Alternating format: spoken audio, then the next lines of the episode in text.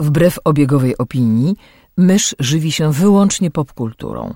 Jest zwierzęciem stadnym, które lubi dzielić się tym, co znajdzie ze światem.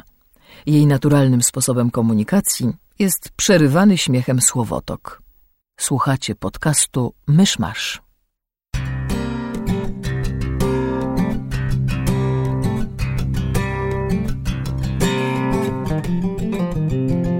Drodzy słuchacze, postanowiliśmy więcej nie śpiewać w podcaście, bo jeszcze zainteresuje się nami Rada Etyki Mediów. Mów za siebie.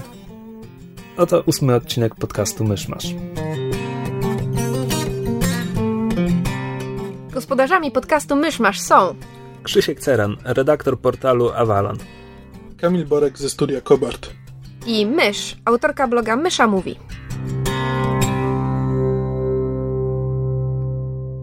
Ostatnim odcinku, mówiąc o Iron Manie trzecim, wspominaliśmy również o komiksie Iron Man Extremis, który ukazał się na naszym rynku wcale niedawno. Scenariusz Warren Ellis, rysunki Adi Granow. Ja wam ten komiks pożyczyłem i wy go już przeczytaliście, więc możemy o nim porozmawiać. Jak wam się podobało? E, Czekaj, bo najpierw chciałem zacząć od tego, że to jest nowość na naszym rynku, bo na, e, na amerykańskim rynku to był który rok, kiedy to wyszło? To był 2004 lub 5. A, piąty, tak, piąty. Już sobie przypomniałem, bo sprawdzałem na Wikipedii. Czyli od razu widać jaki istotny komiks, bo potem 3 lata, nie, 2 lata później już jest Iron Man filmowy, który już z niego czerpie. No tak, szczególnie, że Adi Granow projektował zbroję Adi Iron Mana Granow- do filmu. Adi Granow projektował filmową zbroję, ten uwspółcześniony origin, w którym Stark zostaje złapany w Afganistanie, to też po raz pierwszy było w Extremisie, dotąd do, do historii Extremis to zawsze był jeszcze Wietnam. A czyli to co, to, co w tych sześciu zeszytach widzieliśmy, to jest jakby, to jest flashback tylko Toniego, a nie dla publiczności, tak? To była, czy to było, czy, Nie rozumiem pytania. E, W komiksie Extremis jest scena, w której Iron Man właśnie ucieka z tej jaskini. Jak on, on wspomina, leżąc na stole, e, kiedy Operacyjnym, go, tak. leżąc na stole operacyjnym, wspomina. I to jest pierwszy raz, kiedy to jest ten jego origin story przedstawiony. To jest E, pierwszy reboocie? raz. Nie, to jest pierwszy raz, kiedy ten origin story jest przedstawiony jako toczący się w Afganistanie. Chodzi o to, że jego origin był taki, że był złapany w Wietnamie. Mhm. Tylko, że czas trochę poszedł do przodu, no i niektórym postaciom to w ogóle nie przeszkadza i nigdy nie wyjaśniono, czemu Nixon chwalił fantastyczną czwórkę, chociaż teoretycznie polecieli w kosmos dopiero 15 lat temu. To czasami niektóre elementy zostają zmienione i jakby to było pierwsze miejsce, w którym jest powiedziane, że Stark był w niewoli w Afganistanie. No a poza tym Tony dostaje nowe możliwości w tym komiksie, którymi dysponował przez dłuższy czas. Teraz już ich nie ma, bo powody. Po, powiesz potem, jakie powody, bo jestem bardzo ciekawa. Wiesz co, to Czy mam przeczytać? nie, nie ma co. Tam potem jest inwazja kosmitów na planetę Ziemia i to jest wydarzenie, które się w całym Marvelu echem odbija i ci kosmici e, zhakowali nie tylko zbroję, ale w ogóle organizm Tonego, co nie byłoby możliwe, gdyby nie to, co się dzieje w Ekstremisie. Mhm. A zresztą mi się bardzo podobało to, co się... Znaczy jakby uważam to za bardzo sensowne, to, co się dzieje z Tonym w Ekstremisie i dziwię się, że w filmie tego bardziej bezpośrednio nie pokazali. To co, mi, to, co mi bardziej odpowiada w komiksie niż w filmie, już mniejsza o te rozwiązania jakby w trzecim Mhm. akcie jednej i drugiej historii, ale w komiksie to jest kwestia tego, że jest jeden człowiek z Extremis, który jest takim strasznym zagrożeniem dla Ironmana. Nie ma tego natłoku. Film jest przeładowany jednak, jak No tam tak, pojawia się 30 bezimiennych żołnierzy, którzy się tłuką potem z... No jest strasznie chaotyczna końcówka. Tutaj to jest jeden na jednego. Jest podkreślone to, że Stark, że Iron Man jest przestarzały, że potrzebuje update'u. Mhm. I film też idzie w, w tym kierunku, a potem skręca w takie standardowe, że jednak ten, ten underdog, ten słabszy pokonuje tego silniejszego. I to w filmie jest trochę na zasadzie, bo tak, bo tak się w filmach dzieje. Zabrakło mi takiego konkretnego pokazania, że, że Stark jakby naprawdę ma sposób na, na Kiliana. Mhm. Kiliana, który w komiksie ma dużo, dużo, dużo, dużo mniejszą rolę. No. Dobrze, klient w komiksie jest chyba wspomniany raz w dymku, nie? E, Nie, tak, pojawia się w paru kadrach. Kilian, Kilian sprzedaje ekstremist terrorystom i popełnia samobójstwo. I to jest występ Hmm. Kiliana w komiksie i to jest powiedziane na pierwszych kilku stronach. bardzo mi się kojarzyła to z Watchmenami, po prostu to e, rozwiązanie akcji, że tak powiem, i wyjaśnienie tego, co tam się działo, że to jest niemal toćka w toćkę e, wzięte z Watchmenów. Cała motywacja Mai Hansen. W ten sposób może trochę, chociaż nie wiem, no jakby tutaj to jest tak to samo w filmie, jakby bardzo idą w tę stronę, że, że Stark też zaczynał od sprzedawania broni, że w sumie a nie, mi chodzi o motywację, mi chodzi o motywację Mai. Ona tam mówi, e, ona tam się tłumaczy z tego, że, że jak odpalono bombę, że trzeba było odpalić bombę atomową, żeby już nigdy więcej tego nie zrobiono. I że ona dlatego, y, dlatego, dlatego dała to ekstremist, wykradła to ekstremis i dała temu, y, temu facetowi. I jest dokładnie. Dobra, i, dobra, dobra, to I to jest dokładnie, dokładnie motywacja Ozymandiasa. Znaczy, żeby dać jeden, jeden wielki, jeden, jedną wielką katastrofę, żeby uniknąć potem e, z większych strat. I żeby, żeby ludzie się zaczęli dogadywać ze sobą. Dokładnie to samo. No to prawda. To jakoś nie, nie zwróciłem na to uwagi. Jak wam się rysunki Granowa podobają? Czy nie podobają? Nie podobają. Mi się bardzo podobają. Kojarzy mi się mnie... z tym, z... Jezu, gdzie były podobne? Wolverine Origins? Znaczy Origins? Origin? No. Nie powiedziałbym. Rysownik, który rysował Origins, to jest bodajże jeden z Kubertów, tylko nie pamiętam który, jest jednak bardzo komiksowy, jeśli chodzi o ludzi. Jego, jego twarze to są takie dość, dość uproszczone. Granow idzie w taką niemal hiperrealistyczną. No tak, takie trochę Tylko, że strasznie, tak, strasznie statycznie mu to wszystko wychodzi. Dobra, Ludzie tym, są strasznie statyczni, mhm. a z kolei tła jakieś strasznie sterylne. Niby to mm, jest jakieś proste. przedmieście amerykańskie, a znaczy... wygląda jak, jakby było w, jakby to było w jakimś programie komputerowym wymodelowane.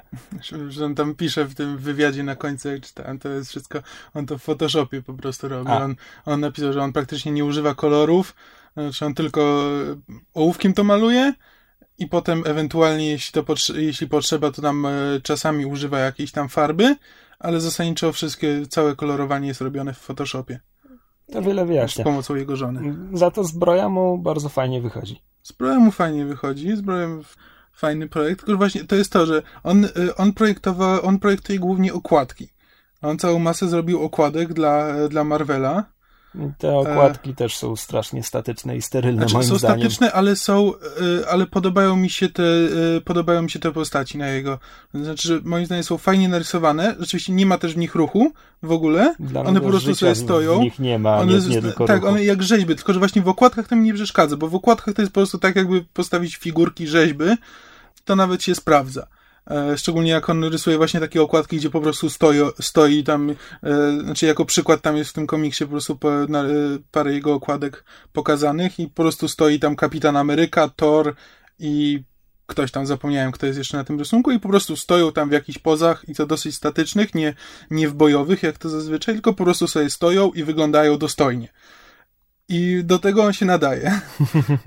I rzeczywiście jakby on jest, on jest Serbem, i mówi, że właśnie, że wychowywał się na europejskich komiksach, bo to było jedyne, co, co było dostępne w Serbii jak za młodu.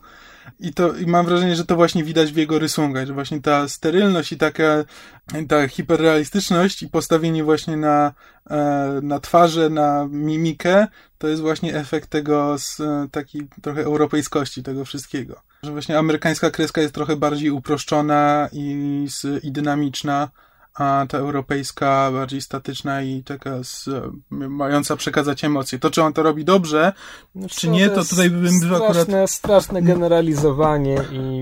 No to jest generalizowanie, ale mówię tak, no, statystycznie, no, w, jeśli by wziąć 10, 100, 1000 komiksów amerykańskich i 1000 komiksów europejskich, no.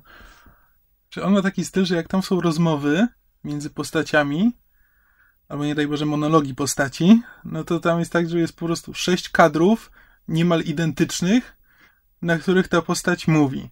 Jest niemal w tej samej, znaczy w tej samej pozycji i niemal z tą samą mimiką. No tak, troszkę, mówię, troszkę różniąco. Tak. Ale nie, bo jest statyczny jakby, bo jest statyczny tak w, w, w ramach jednego obrazka. Sceny akcji w ogóle nie widać na nich ruchu Czy właśnie są tak Tak, jakby... i, tak by... i kompozycje kilku kadrów też są bardzo statyczne. Tak, i- a, a jeszcze właśnie w dodatku cała, cała historia jest, że po prostu jest taka powolna. Co do kadrowania, to ten komiks ma bardzo.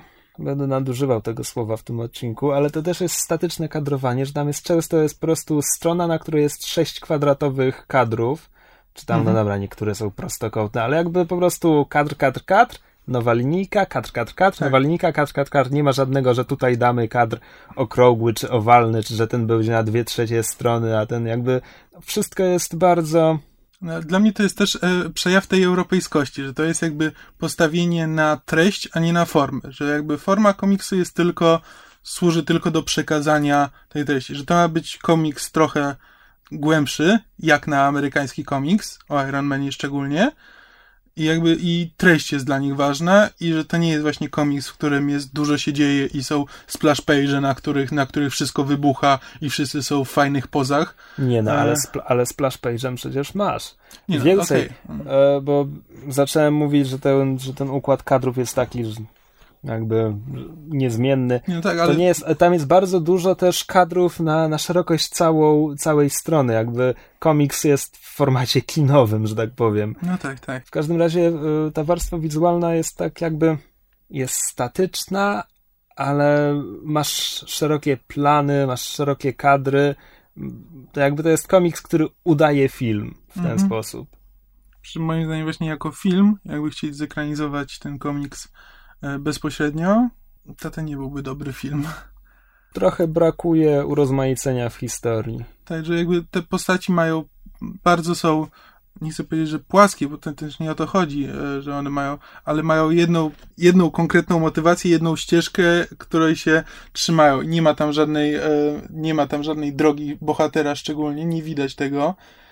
Szczególnie przeciwnik jest, e, jest po prostu nudny. O, jest strasznie On ma nudny. jedną scenę, w której pomyślałem, że coś z niego będzie, kiedy y, przysiada się do jakiejś nastolatki w jakiejś amerykańskiej mieścinie i, za, i zaczyna słuchać o tym, jak ona się skarży na życie w nudnej małej mieścinie, gdzie no, na nią krzywo patrzą tylko dlatego, że ubiera się na czarno i wyraża w pewien sposób i pomyślałem sobie, okej, coś z tego będzie, a potem nie okazuje się, że ta scena służy tylko temu, żeby pokazać, jaki, jaki ten przeciwnik jest też jednotorowy Tak, jak myśli po prostu o zupełnie zły. white power, tak. Tak, że nie ma tam żadnego. Ja właśnie też myślałem, jak, jak popatrzyłem, że się przysiądzie, to pomyślałem, że o, będzie scena, która trochę wyjaśnia może jego, jego motywację, może coś mu się stało, może ma e, jakąkolwiek, jakąkolwiek motywację do tego, co robi. Ale nie, on po prostu ta scena jest po to, żeby pokazać, że on jest nie dość, że jest e, zły, jest terrorystą i mordercą, to jeszcze jest rasistą.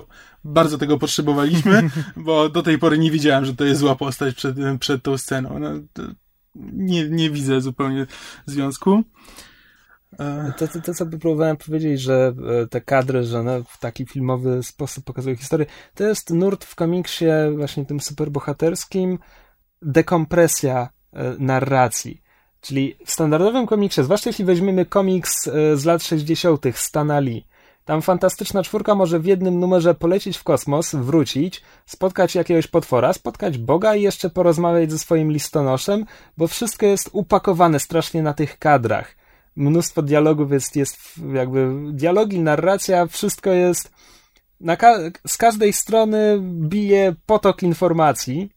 To jest oczywiście bardzo stary komiks, ale jeszcze długo później tak, tak to wyglądało, że te komiksy tam się bardzo dużo dzieje na dość niewielkiej przestrzeni, a teraz od, od kilku, czy może kilkunastu lat jest właśnie takie bardziej filmowe prowadzenie narracji, gdzie dajemy, dajemy tym scenom czas i miejsce, żeby one mogły się rozegrać, żeby czytelnik mógł wczuć się w ten nastrój. I właśnie Extremis jest taką historią. Tak naprawdę to jest sześć zeszytów, których fabuły jest tak na trzy zeszyty. tak, ja właśnie chciałem powiedzieć, że ja ten, przeczytałem to Extremis, że to jest, no, to jest całkiem gruby, e, gruby mm, zbior, zbiór. Jak No. się nazywa? E, znaczy, no, gruby, no ale jest na Tomik, sześć. album. Znaczy gruby, bo No, album. twarda, sztywna No oprawa. dobra, ale no, nie no, no, sześć zeszytów, normalnie, no, chwilę, No tak, to jest Chwilę można na 120 tym spędzić, no. A tutaj tak naprawdę no parę razy do tego przysiadłem i mam wrażenie, że pff, jakbym miał zgadywać, to bym powiedział, że w pół godziny to przeczytałem. prawdopodobnie trochę więcej mi to zajęło, ale, e, ale zleciało, mi to, zleciało mi to bardzo szybko i mam wrażenie, że tam można było tej treści więcej zawrzeć, szczególnie jeśli się robi e, komiks, który właśnie na tej treści się skupia, jakby próbuje, próbuje opowiedzieć jakąś historię trochę, e, trochę dogłębniej, trochę właśnie zbadać tę motywację Starka, a tutaj nie za bardzo... Nie, akurat mo motywacje Starka moim zdaniem mają dla siebie wystarczająco wiele miejsca. To, to nie jest tak, że mi zabrakło do powiedzenia czegoś na temat Starka. Brakuje... E, przestępca jest nieciekawy i, i gdyby... Chyba nawet byłby trochę lepszy, gdyby nie wchodzić w jego motywację gdyby był jakiś znak zapytania, mhm. może czemu on to robi. Tak. Bo kiedy jeszcze mamy trochę miejsca poświęcone, żeby powiedzieć o co mu chodzi, i okazuje się, że chodzi mu o coś strasznie banalnego i, i głupiego, no to w ogóle, w ogóle się rozpływa, roz, rozmywa. Jakby jest po prostu przeszkodą na drodze Starka. Jest, jest, e, jakby to ująć.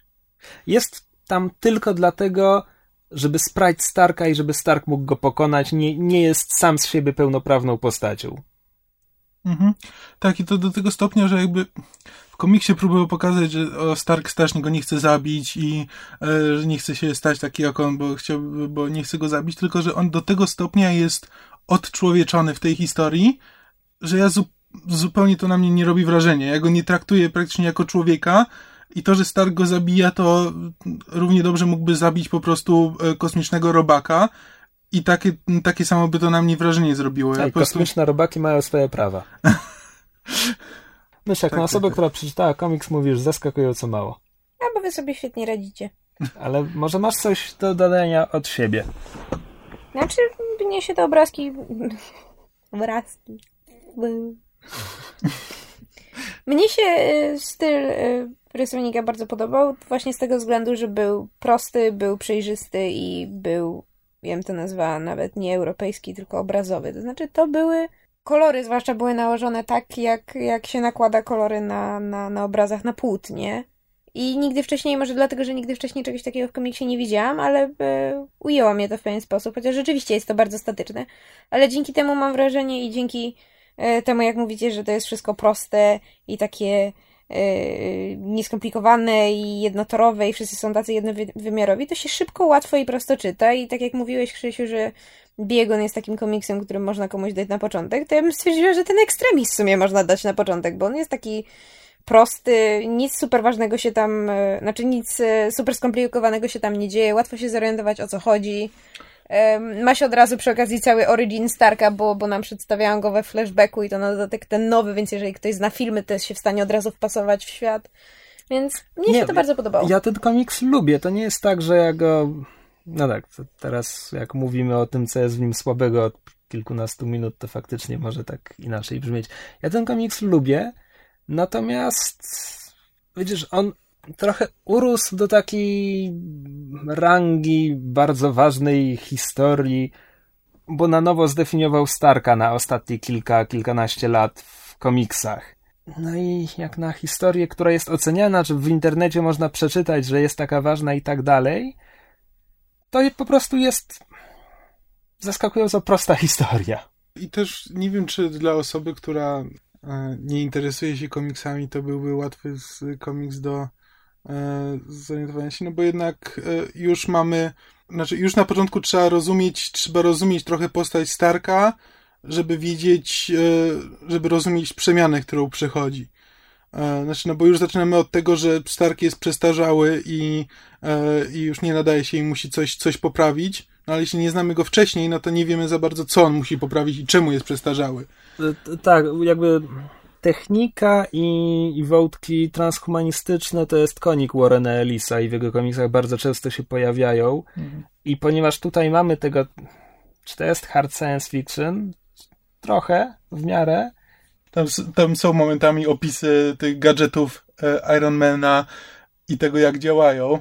Tam jest cały, tam, tam jest scena, jak e, Iron Man właśnie próbuje złapać Eli, e, tfu, Elisa, e, tego, Malena, jak jedzie tą ciężarówką, to właśnie to mówi policjantom, żeby się odsunęli, bo ten jego repulsor ray jest bronią e, z bronią krótkozasięgową, która wykonuje to, to, to i to e, i potrafi z bliskiej odległości połamać kości i, i wyjaśnia, wyjaśnia po prostu czym jest, czym jest ten jego... Dobra, e, tak.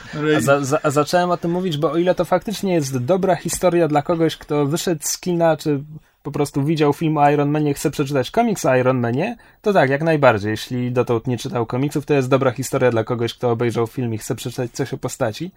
Natomiast to nie jest, his- to nie jest komiks, który wręczyłbym komuś, kto w ogóle nie czytał komiksów, jako jego pierwszy komiks do, do przeczytania na, na pierwszą komunię.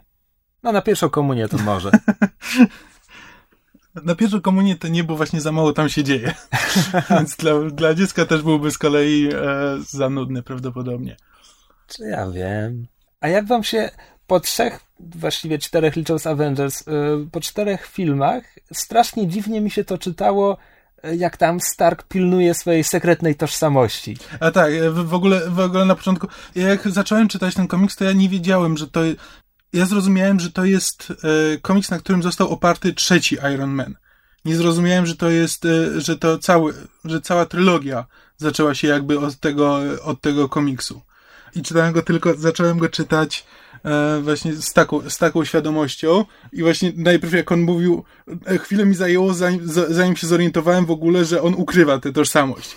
E, I się zastanawiałem, najpierw autentycznie się zastanawiałem, kim jest ten jego ochroniarz, który, który też bierze tę zbroję. Potem się, potem się dopiero zorientowałem, że to chodzi o to, że on tylko udaje, że to jest jakiś jego ochroniarz, czego też nie rozumiem. Znaczy, jeśli wszyscy wiedzą, że Stark stworzył, stworzył tę zbroję, i jakie to ma znaczenie, że to jego ochroniarz tym, tą zbroją kieruje, a nie on. No, może, może to w komiksach jest jakoś później wyjaśnione, może to ma znaczenie. Nie, ale... jakby, to nie jest wyjaśnione, to jest po prostu motyw, który przeżył z lat 60. No tak. aż, do, aż do parę lat temu. Do Civil War bodajże. Do Civil War. No tak, ale i właśnie, i też potem jak y, zobaczyłem tą, tą scenę z tymi flashbackami, co się z nim działo w Afganistanie, ja zupełnie nie rozumiałem jej sensu, bo ja sądziłem, że to jest, ja nie wiedziałem, że to jest po raz pierwszy wprowadzone, dlatego ja tak dopytywałem na początku, bo ja nie wiedziałem, że to jest, że to jest po raz pierwszy pokazane w tym komiksie. Myślałem, że to jest po prostu flashback, który ma coś wprowadzić, jakieś przemyślenia Starka potem, który do czegoś, który jest po prostu takim setupem do jakiejś późniejszej, późniejszych mhm. przemyśleń Starka, że coś z tego innego wyniknie. A potem się zorientowałem, że Cholera, to chyba, to chyba jest po raz pierwszy pokazane. I miałem chwilę taką, kiedy nie wiedziałem do końca, co się dzieje no i po co ja to oglądam. W tym komiksie po raz pierwszy widzimy tę wersję jego historii. No właśnie, dlatego ja tak dopytywałem i nie mogłem Jasne. się dopytać, bo nie do końca rozumiałem, co, czy, to jest, czy to jest na pewno po raz pierwszy pokazanie na nowo tej. Natomiast myślę, że dla kogoś, kto obejrzał te trzy filmy o Iron Manie, to jest... Może to nie jest tak, że musi przeczytać ten komiks, ale myślę, że to jest bardzo ciekawe trochę inne spojrzenie na bardzo podobne wątki. Tak, no znaczy to, w ten sposób to było dla mnie ciekawe. Jakby nie, nie spodobał mi się za bardzo ten komiks, powiem szczerze, jako historia. Nie, w, nie wciągnęło mnie to jakoś szczególnie. Fajnie mi się to czytało, ale to nie jest tak, że teraz będę chodził i namawiał ludzi, żeby przeczytali Extremis, bo jest super świetne. Podobało mi się, solidna historia, całkiem fajnie opowiedziana, trochę słabo narysowana moim skromnym zdaniem, ale nie zrobiła na mnie takiego wrażenia, ale właśnie jest, jako... Ona nie jest słabo narysowana, tylko ten styl jest dość specyficzny. Tak, no ten styl, gdyby ona była, gdyby ten styl był w jakiejś innej historii, bardziej nastawiony na akcję, to by w ogóle mi się nie podobał. Tutaj widzę jego uzasadnienie, nie mam do niego aż takich pretensji, ale po prostu nie pasuje mi osobiście. Ale jakby mam wrażenie, że rozumiem, co artysta, jakby, co wchodziło po głowie artysty, kiedy, e, kiedy to rysował. Ale tak, ale bardziej było to dla mnie ciekawe właśnie jako porównanie z e, trzecim Iron Manem. Nie, nie ja znałem, znałem ten komiks przed filmami, więc trochę inaczej też go oceniam w ten sposób. Ja go lubię, chyba nie cenię go tak bardzo jak, jak niektórzy. Natomiast strasznie lubię tego scenarzystę. Warren Ellis jest jednym mm. z mhm. moich ulubionych scenarzystów komiksowych i moim zdaniem napisał wiele innych ciekawszych komiksów. Kiedyś przez e, cały odcinek podcastu będę wam opowiadał o Transmetropolitan, ale to A, tak. Zacząłem odległa przyszłość. Story of my life.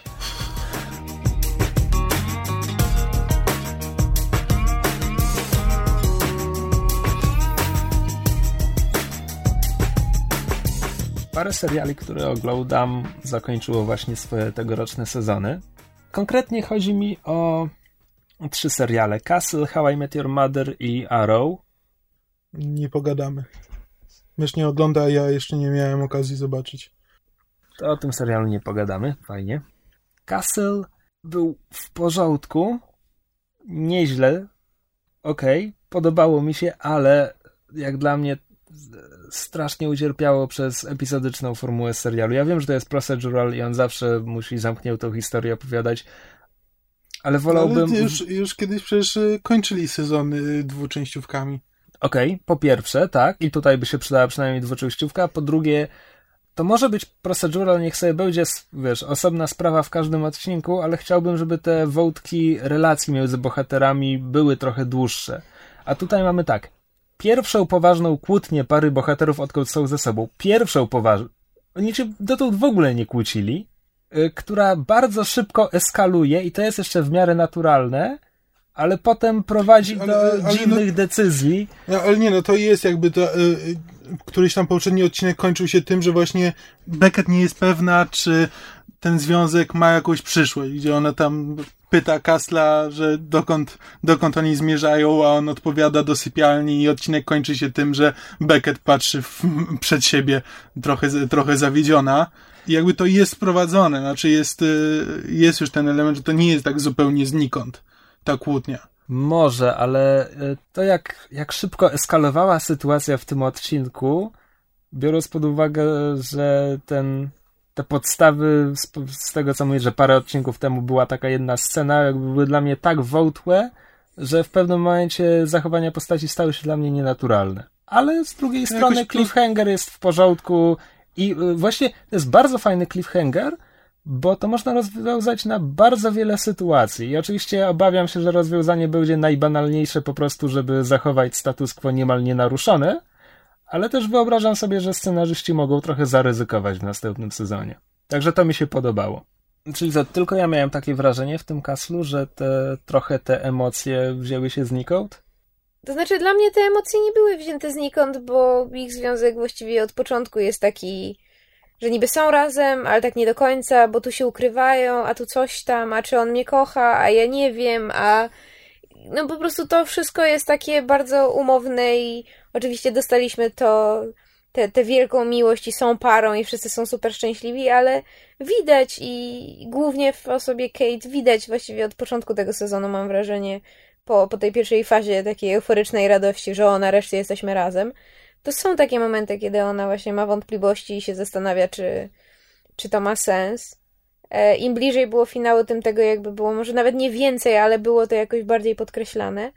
Dla mnie z kolei o wiele bardziej nachalny i rozegrany szybko i po łebkach i bez sensu był ten motyw um, tej oferty, którą ona dostała, czyli właściwie całego... To był katalizator dla tej kłótni. I żeby było śmiesznie, jak tylko, jak tylko się zaczęła między nimi rozmowa, że czy ona wyjedzie, czy zostanie, to ja wiedziałam, jak to się skończy, dlatego uważam ten finał za kiepski. Bo ja wiedziałam po prostu, że to się tak skończy, dlatego że. Okej, okay, tutaj wa walny spoiler, Kamil, najwyżej, jeżeli podejmiecie decyzję, że należy to wyciąć, to spoko, ale jedyna metoda, żeby zatrzymać kobietę przy sobie, to jest jej się oświadczyć, więc wiadomo było, że jak Castle się dowie, że Kate chce mu wyjechać, to, to się oświadczy. No, come on. Teraz jedynym pytaniem jest, co ona odpowie. Czy porzuci karierę i będzie nieszczęśliwa i zostanie z nim w Nowym Jorku? Czy on poświęci swoją karierę właściwie jak to poświęci, jest jak pisarzem i może ja pojechać nie... za nią. Wiadomo, że on za nią pojedzie. To jest mój największy problem z tym odcinkiem. Ja się przez cały czas zastanawiałem, czemu Castle nie może pojechać do Waszyngtonu. Bo on kocha to miasto. To, to, to, to, nawet nie jest tak, że, że nie ma przekonującego wyjaśnienia. Nie ma żadnego tak, wyjaśnienia, nie czemu on nie może. Bo, bo, taki jest, bo taka jest klisza, jest... że jak dwie, że jak jedna osoba nie, wyjeżdża, czekaj, to druga nie, nie może się za nią pojechać. Nie machaj mi tu łapkami. Kate mówi, że, że ta praca zabierze jej cały czas, że jeśli przyjmie tę pracę, to nie będzie miała czasu dla nikogo. Ale argument Kasla jest geograficzny. Jak to wyjedziesz? Ale on nigdy nie mówi, że nie pojadę za tobą. On mówi, nie powiedziałaś mi o tym, że jest taka opcja, że wyjeżdżasz. On o to ma pretensje. Nigdzie nie jest powiedziane, że ale bo ty wyjeżdżasz, a ja za tobą nie pojadę. Nie, jemu chodzi o to, że ona nie była z nim szczera, ona się z nim nie podzieliła. Ponieważ od początku było wiadomo, że on za nią pojedzie, bo Jak tylko pojawiła się opcja, że Kate może wyjechać, mówię wam, ja wiedziałam, że się oświadczy i że za nią pojedzie. Ja się naprawdę nie zdziwię, jeżeli to się skończy tym, że od następnego sezonu będziemy oglądali to samo, tylko że bardziej yy, szpiegowskie i na dodatek w DC. Bo tak, tak to Nie wygląda, taką oni, ma drogę. oni, oni no. mają już tony materiału nagranego w Nowym Jorku, który zawsze wrzucają O, do mogą to odcinka. oddać do White Collar. Poza tym wtedy by musieli się nagimnastykować, żeby jeszcze przenieść tam Esposito i Ryana. Albo dokoptować sobie nowych ludzi, jak w chaosie. No w każdym razie No, opcje, jest- opcje są dwie i, i naprawdę nie widzę, nie widzę, w czym jest problem i wcale to nie był taki dobry finał. Znaczy ja też nie jestem jakoś zachwycony tym finałem. Melodramatyczny. Nie... Znaczy no i jest po prostu. Jest tradycyjny finał. Nie on nie jest zły, nie on nie jest dobry. Po prostu sobie jest. Po prostu Znaczy- cliffhanger od foremki e, odciśnięty. A ja właśnie czekaj, nie, bo tak jak odcinek miałem wątpliwości co do tego, skąd się te wszystkie emocje biorą i tak dalej, tak cliffhanger mi się podoba, bo jakby no to, to, to co powiedziałeś, że ona może zostać i być smutna, on może pojechać za nią, albo jakieś rozwiązanie kombinowane, no w każdym razie jest sugestia, że faktycznie może być jakaś zmiana status quo. To co, powiedzieliśmy już wszystko o kaszlu, czy coś jeszcze? Porządny odcinek finałowy. To, co dobrego mogę o nim powiedzieć, to, że jak do tej pory wszystkie, y, wszystkie odcinki finałowe w Kaslu były zazwyczaj bardzo, y, bardzo nastawione na akcję. Że to były te odcinki, w których cała ta konspiracja wokół y, albo matki Beckett, albo z, pojawiała się jakaś wielka konspiracja, albo jakiś wielki problem i zaczynała się, zaczynała się wartka akcja i robił się taki bardzo, bardzo napięty finał. A tutaj jest troszkę bardziej wyciszony i nastawiony właśnie na bohaterów, a nie na akcję. No to słuszna uwaga. Zgadzam się z przedmówcą. Nie mam nic do dodania. No i dobra, na tym możemy zakończyć rozważania Kaslu. How I Met Your Mother. Tudzież jak ty to ładnie ująłeś w SMS-ie do mnie. How I Met Your Mother, but first let me digress for eight years. Tak jest. Czy to będzie spoiler, jeśli coś się nie wydarzyło? No więc słuchacze, jeśli z jakiegoś powodu jeszcze zależy tak- wam na tym I serialu... tak trzeba puścić spoiler przed tym, e, ostrzeżenie przed spoilerami przed tym, więc już nie ma co No się dobrze. teraz ograniczać. No dobrze, a więc jak się zaczął ten sezon? Ten sezon zaczął się od scen ze ślubu e, Robin i Barnego. Barneya. Barnego? Barnego. Barney Rubble. Barnaby? Barney, tak. Jak się kończy ten sezon, wszystko wskazuje na to, że się skończy tym cholernym ślubem. Nie! Odcinek się kończy, że oni jadą na ten ślub. Twórcy tego serialu tak strasznie się boją. Ja nie wiem, oni, oni chyba naprawdę wymyślili sobie zakończenie 8 lat temu i po prostu jak dostają kol, wiesz, zamówienie od studia na kolejne sezony, to jedyne co potrafią zrobić, to odsunąć je w czasie. I w tym momencie nie zdziwię się bardzo, jeśli dziewiąty sezon pożyczy formułę z 24 godzin i dostaniemy 24 odcinki, z których każdy będzie prezentował godzinę do tego samego ślubu. I ostatni odcinek to będzie ta cholerna scena na peronie.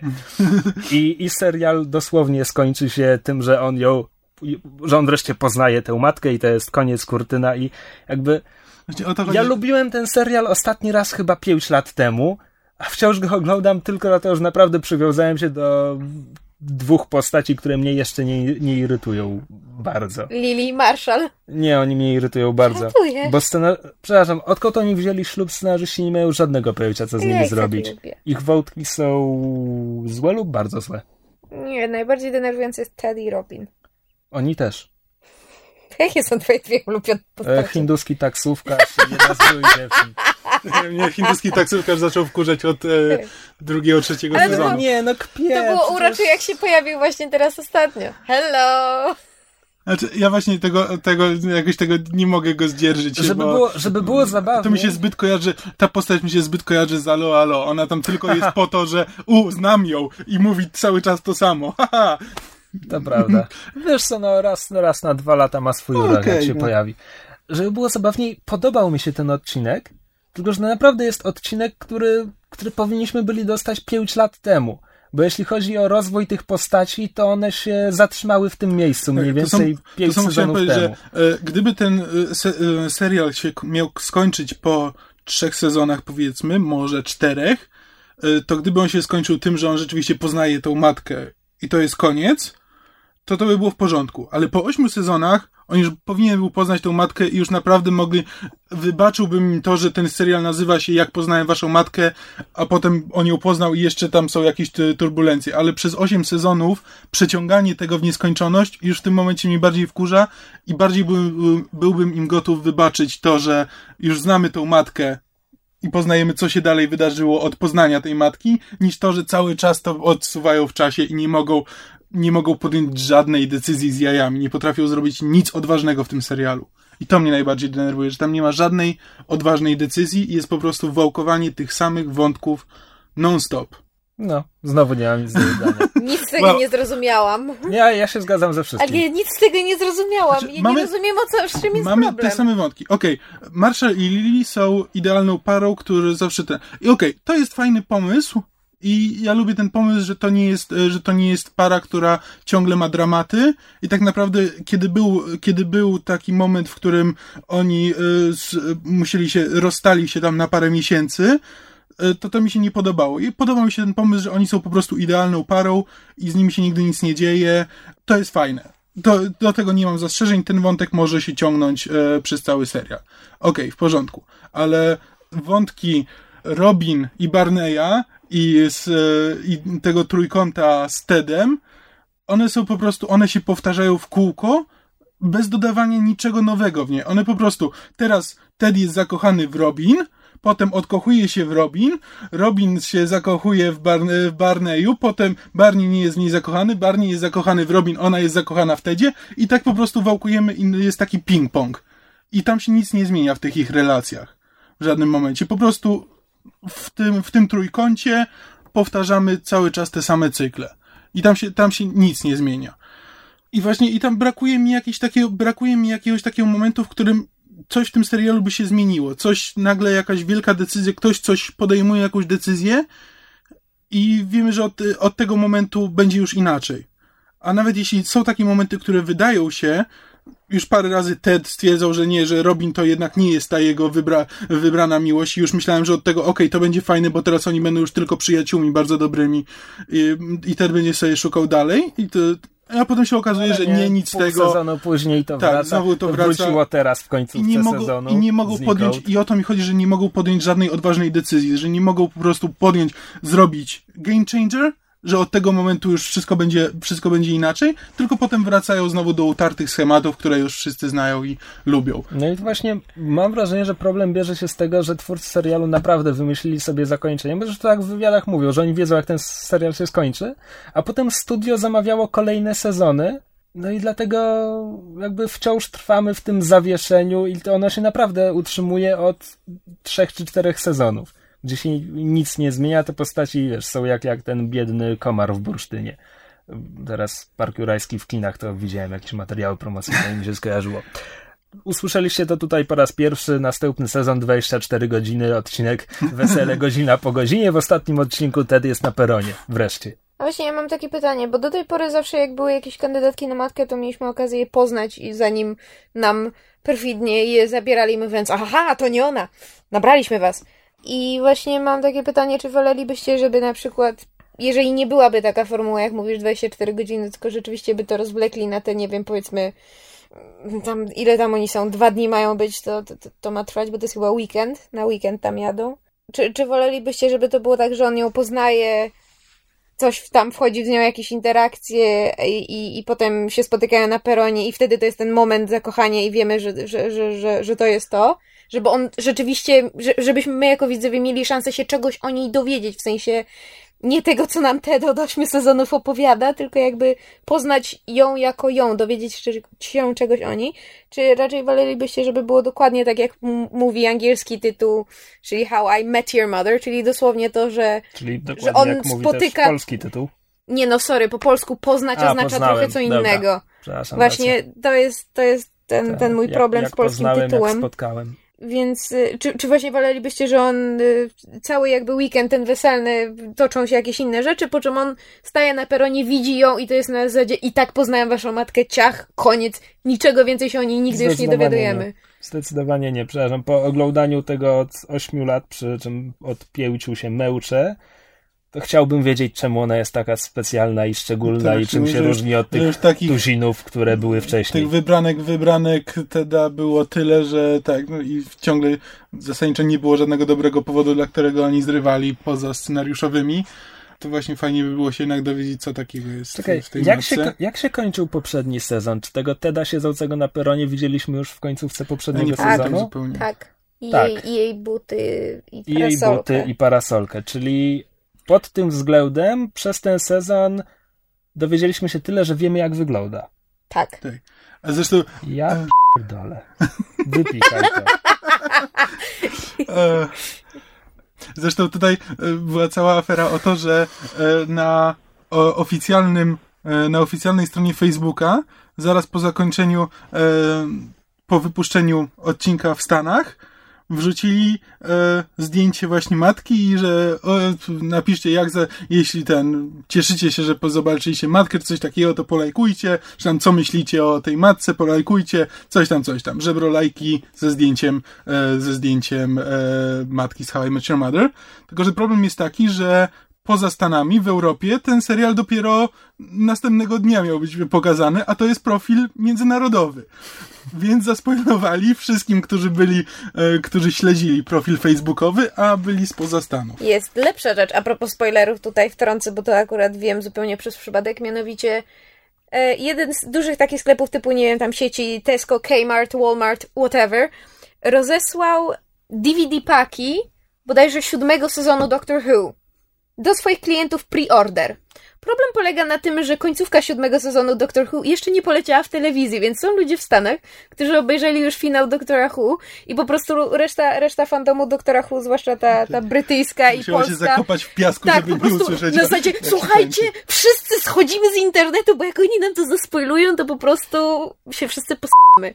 Ale znaczy, ja się z wami zgadzam, że jakby biorąc pod uwagę, że już tyle zdążyliśmy poznać, e, chcę powiedzieć ofiar Teda, ale jego, jego love interest, e, zgadzam się z tym, znaczy ja też bym chciała bardzo, prawda, się dowiedzieć, dlaczego ta matka jest taka wyjątkowa, a z drugiej strony, cholera, jakie by to było właśnie odważne i fajne rozwiązanie, gdyby oni nam zaserwowali to właśnie na zasadzie i tak poznałem waszą matkę ciach. Szczerze mówiąc, chciałabym tego. Uważam, że to by był dobry koniec, bo wtedy Wiesz wszyscy co? by sobie dopowiedzieli, co by tylko chcieli. Ja kiedyś myślałem, że to by było o fajne tym- zakończenie. O tym mówiłem. To, że- co Kamil powiedział, że gdyby tak się ten to tobie serial to chodziło. skończył 4 czy 5 sezonów temu, to to byłoby fajne. Ale teraz, kiedy ja się naprawdę męczę, żeby go wciąż oglądać, nawet jeśli robię to jednym okiem, jednocześnie siedząc w internecie, to mi to nie wystarczy. Rozumiem. Uważasz, że skórka powinna być warta wyprawki? Skojarzyło mi się tak a propos tego, Krzysiu, co mówiłeś, że ten nie zdziwiłbyś się, gdyby dziewiąty sezon był mm, jak 24 godziny, że właśnie, prawda, odcinek, yy, g- godzina to jest jakby jeden odcinek, e, żeby było śmieszniej. Teraz e, na fali kolejnych zamówień, seriali i ustawiania ramówki w, w telewizji w Stanach zaczęło wchodzić bardzo dużo trailerów e, nowych seriali, które będą leciały. O I między powiemy innymi- za moment. o których powiem za, za moment i między innymi, ale ponieważ wiem, że tego prawdopodobnie żaden z was nie obejrzał, bo to nie wasza działka, nazywa się Mixology i opowiada o grupie singli w barze, tylko że właśnie myk polega na tym, że seria ma mieć chyba 10 odcinków i każdy odcinek ma opowiadać e, tę samą historię, która się dzieje z punktu widzenia jednego z bohaterów.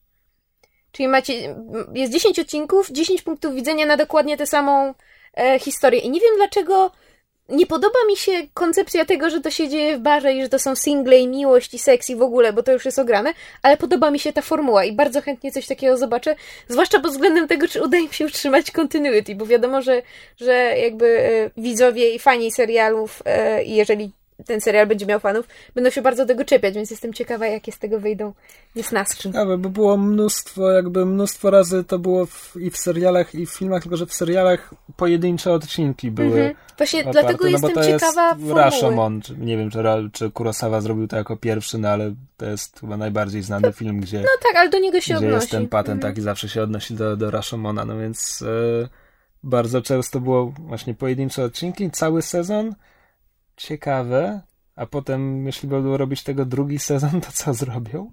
Właśnie nie, nie bardzo rozumiem, co Ale- oni dalej planują. Dobra.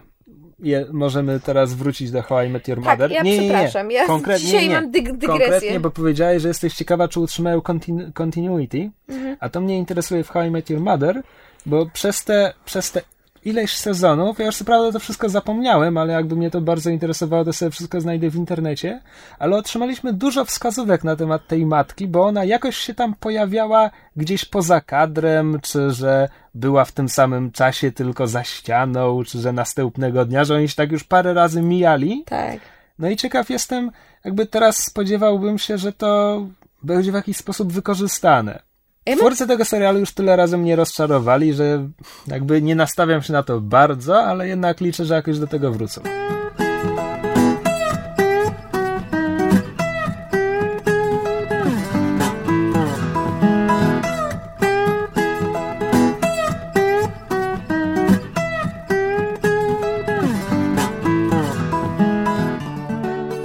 W odcinku o kikowskich korzeniach sugerowaliśmy naszym słuchaczom, że mogą się podzielić swoimi historiami i dostaliśmy jeden list. Minifala. A zatem to jest historia Justyny ze Zgorzelca. Urzekła nas twoja historia. Okay, Brzmi, brzmi jakby urodziła się w XVIII wieku. Ona, ona podpisała to jakoś? XVI. E, Justyna. No dobra. Oto historia Justyny. E, Słuchając nowego podcastu, aż mi się łezka wokół zakręciła. Dzięki kochani sprawiliście, że zacząłem analizować, jak to się stało, że jestem geekiem. Bo to, że nim jestem, zrozumiałem niestety dopiero stosunkowo niedawno. Ale geek and proud, żeby nie było. A to jest zresztą, jest sporo osób, tak jak em, odpowiadały na, w, w komentarzach, czy z, em, że jest sporo osób, które albo zdały sobie sprawę z tego, że są geekami dopiero po jakimś czasie, albo wciąż są geekami, a nie zdają sobie z tego sprawy. Kryptogicy? Tak, kryp, kryptogic, kryptogiki, Kryptogice? kryptogice. No jest tak. I teraz, doszłam do wniosku, że u mnie wszystko zaczęło się chyba od Tolkiena, którego poznałam dopiero w wieku 15 lat mniej więcej. Dobry początek, mocna podstawa. Mocna podstawa. Potem nastąpił wielki boom i poleciało z całą fantastyką, a właściwie fantazy. Doszło do tego, że nawet maturę ustną przygotowałam z tematu fantazy. To brzmi znajomo. Ja prezentację na polskim miałem o Gaimanie. Niestety nasza polonistka przygotowała się do tematu i zadawała mi podchwytliwe pytania. Ale żeby było śmiesznie, ja miałam o królu Arturze i y, jednym z trzech pytań, które miałam było jaka była rola okrągłego stołu w micie o królu Arturze. Ja autentycznie spojrzałam na babkę pod tytułem Are you seriously asking me that question? I przez moment autentycznie nie wiedziałam, co odpowiedzieć, bo było to tak banalne i jakby oczywiste pytanie, że, że mnie zatkało. Ale potem z tego wybrnęłam. No nie. Zaczęłam mówić o krzesłach. Ja dostałem pytanie, czemu Gaiman jest określany jako wielki postmodernista i miałem trudniej. A, miałeś trudniej. Rzeczywiście ostro potraktowała. Znaczy, poważnie potraktowała temat. Dobrze. E, Wracając do listu. tak. Przeszłam przez Sapkowskiego, Grzędowicza, Martina. Nigdy nie przekonam się do Pratchetta. Mój człowiek, mój Masz człowiek! kolejną osobę po Buu! swojej stronie. Buu! Pójdź w me ramiona, Justyno! Na co nam chłopcy? Niestety z przykrością stwierdzam, że do dziś uważam dzieła Tolkiena za najlepsze, jakie wpadły mi w rękę. Dlaczego niestety? Znaczy, przede wszystkim. Znaczy, no dobra, ja nie znam Tolkiena, tego pisanego, na tyle dobrze, żeby się tutaj wypowiadać. E, Się nie wypowiadaj, czytaj ale nie, po dalej. prostu ciekaw jestem, czy ten, czy, czy to samo byście byli w stanie powiedzieć o Tolkienie. No, że, że co, że najlepszy pisarz? Ja Tolkiena nie lubię, co nie zmienia faktu, że uważam, że Tolkien wielkim pisarzem był. Wiesz co, tylko że Tolkien nie pisał fantazji, on pisał mitologię. To, co wszyscy po nim pisali, to było fantazji, a jemu chodziło o coś innego. I teraz argument, że jego postaci są jednowymiarowe, czy płaskie, czy niewiarygodne psychologicznie, no jemu prostu nie o to świat, chodziło. tak? Że on tworzył świat, a nie historię. Tak, albo w ogóle dopisywał fanfika do tych swoich wymyślonych języków, bo to go najbardziej interesowało. No, to też prawda. Ale wróćmy do Justyny. W liceum odkryłam RPG. Początkiem było D&D i mniej więcej równocześnie poznałam Maskaradę. To też są bardzo dobre początki. Tak. D&D tradycyjnie zaczynamy od mechanika przede wszystkim D&D, a potem przechodzimy do Maskarady, czyli skupiamy się na storytellingu i w ten sposób tworzy się może obraz jakiegoś pełnego gracza. To brzmi dobrze. E, nadal mam do nich sentyment i strasznie ubolewam nad faktem, że znajomi prowadzą już tylko autorskie systemy, a nikomu nie chce się powrócić do klasyki. To jest ciekawe, że... Może być ryzykowne. Tak, my też się trochę bawiliśmy z autorskimi systemami, ale to Nic z się tego nigdy, nie wyszło. Nigdy niczym nie skończyło. Przepraszam, nawet klasyczne, stare, dobre systemy nam nie bardzo wychodzą, bo nie mamy się kiedy spotykać. No to też inna sprawa. Smutno. Ale nawet kiedy mieliśmy te autorskie systemy, to tak szły trochę. Jak po grudzie. Ale tak, zdecydowanie. Miłość do mrocznych klimatów z naciskiem na wampiryzmy i inne takie pojawiła się mniej więcej równocześnie z okresem buntu młodzieńczego. Zastanawiam się do teraz, czy miało to ze sobą coś wspólnego.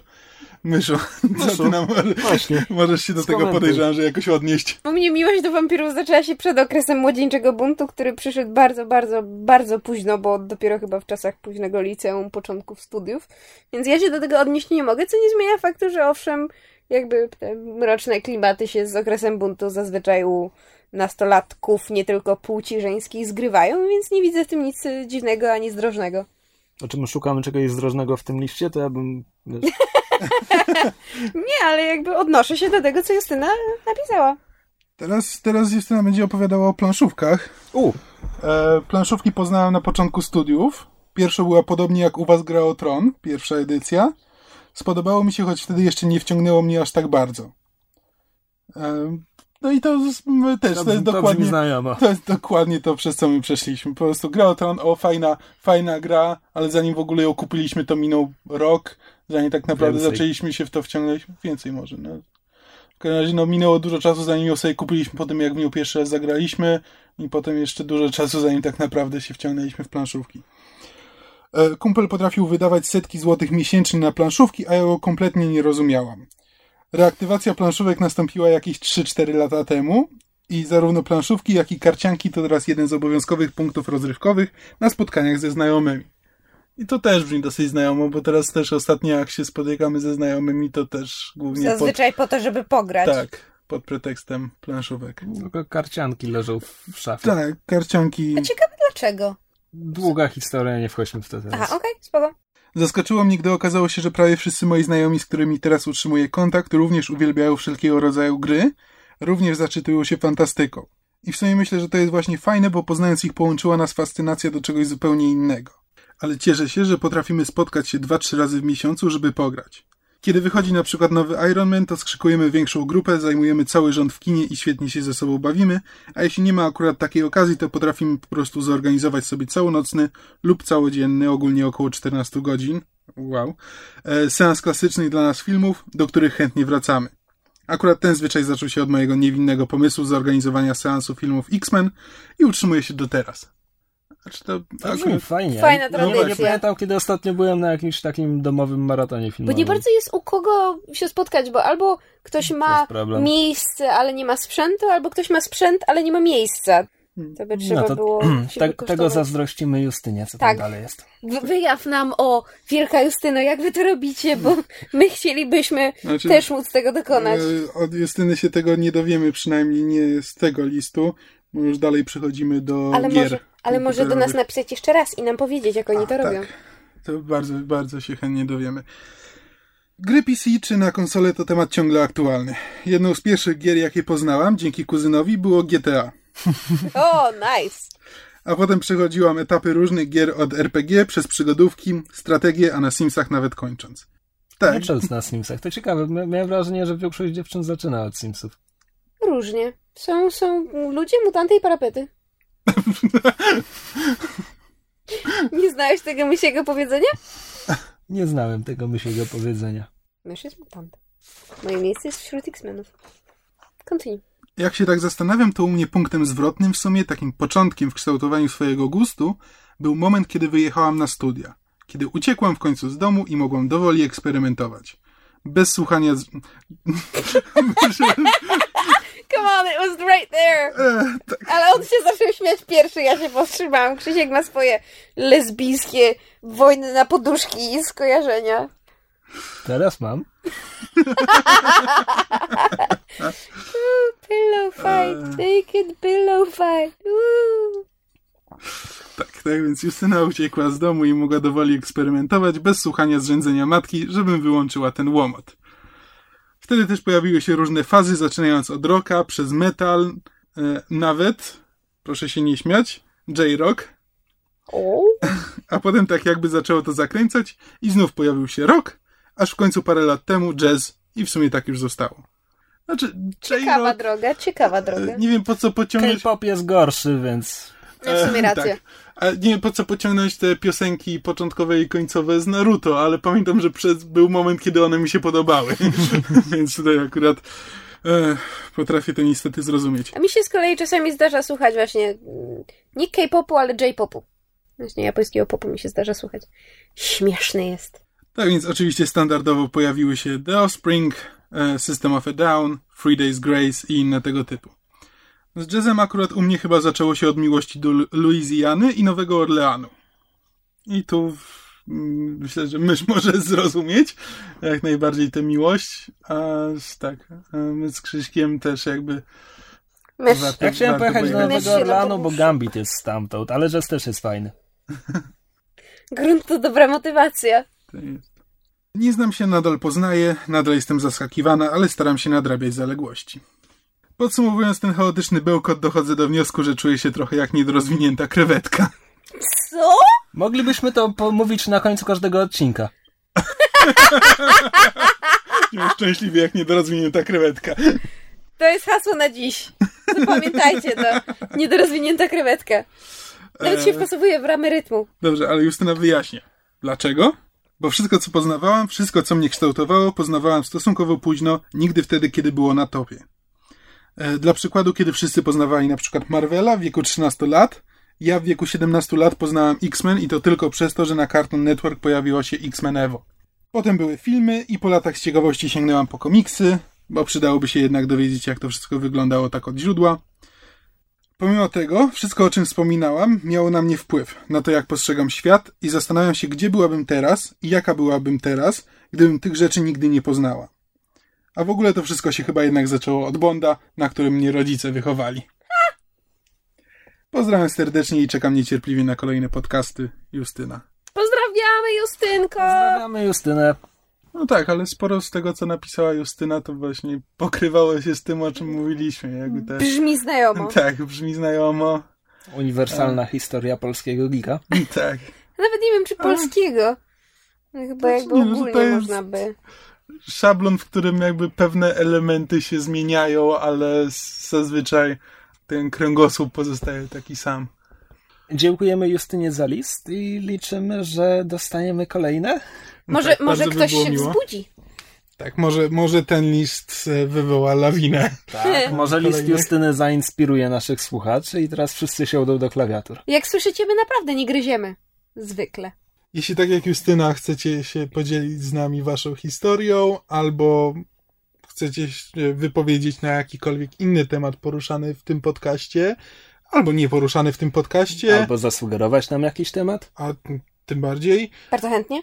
Albo macie jakieś pytania do nas, albo y, albo odpowiedzi. do nas, tak? Odpowiedzi na nasze pytania. Napiszcie cokolwiek. Wiemy, że tam jesteście. Odezwijcie się. Krzysio Lonely Hearts.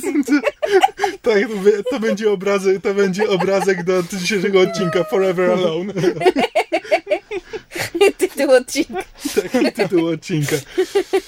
Piszcie do nas, e, żebyśmy nie czuli się samotni na adres myszmaszpodcast.gmail.com Albo możecie, jeśli macie po prostu tematy do zasugerowania, to możecie to zrobić też na Facebooku.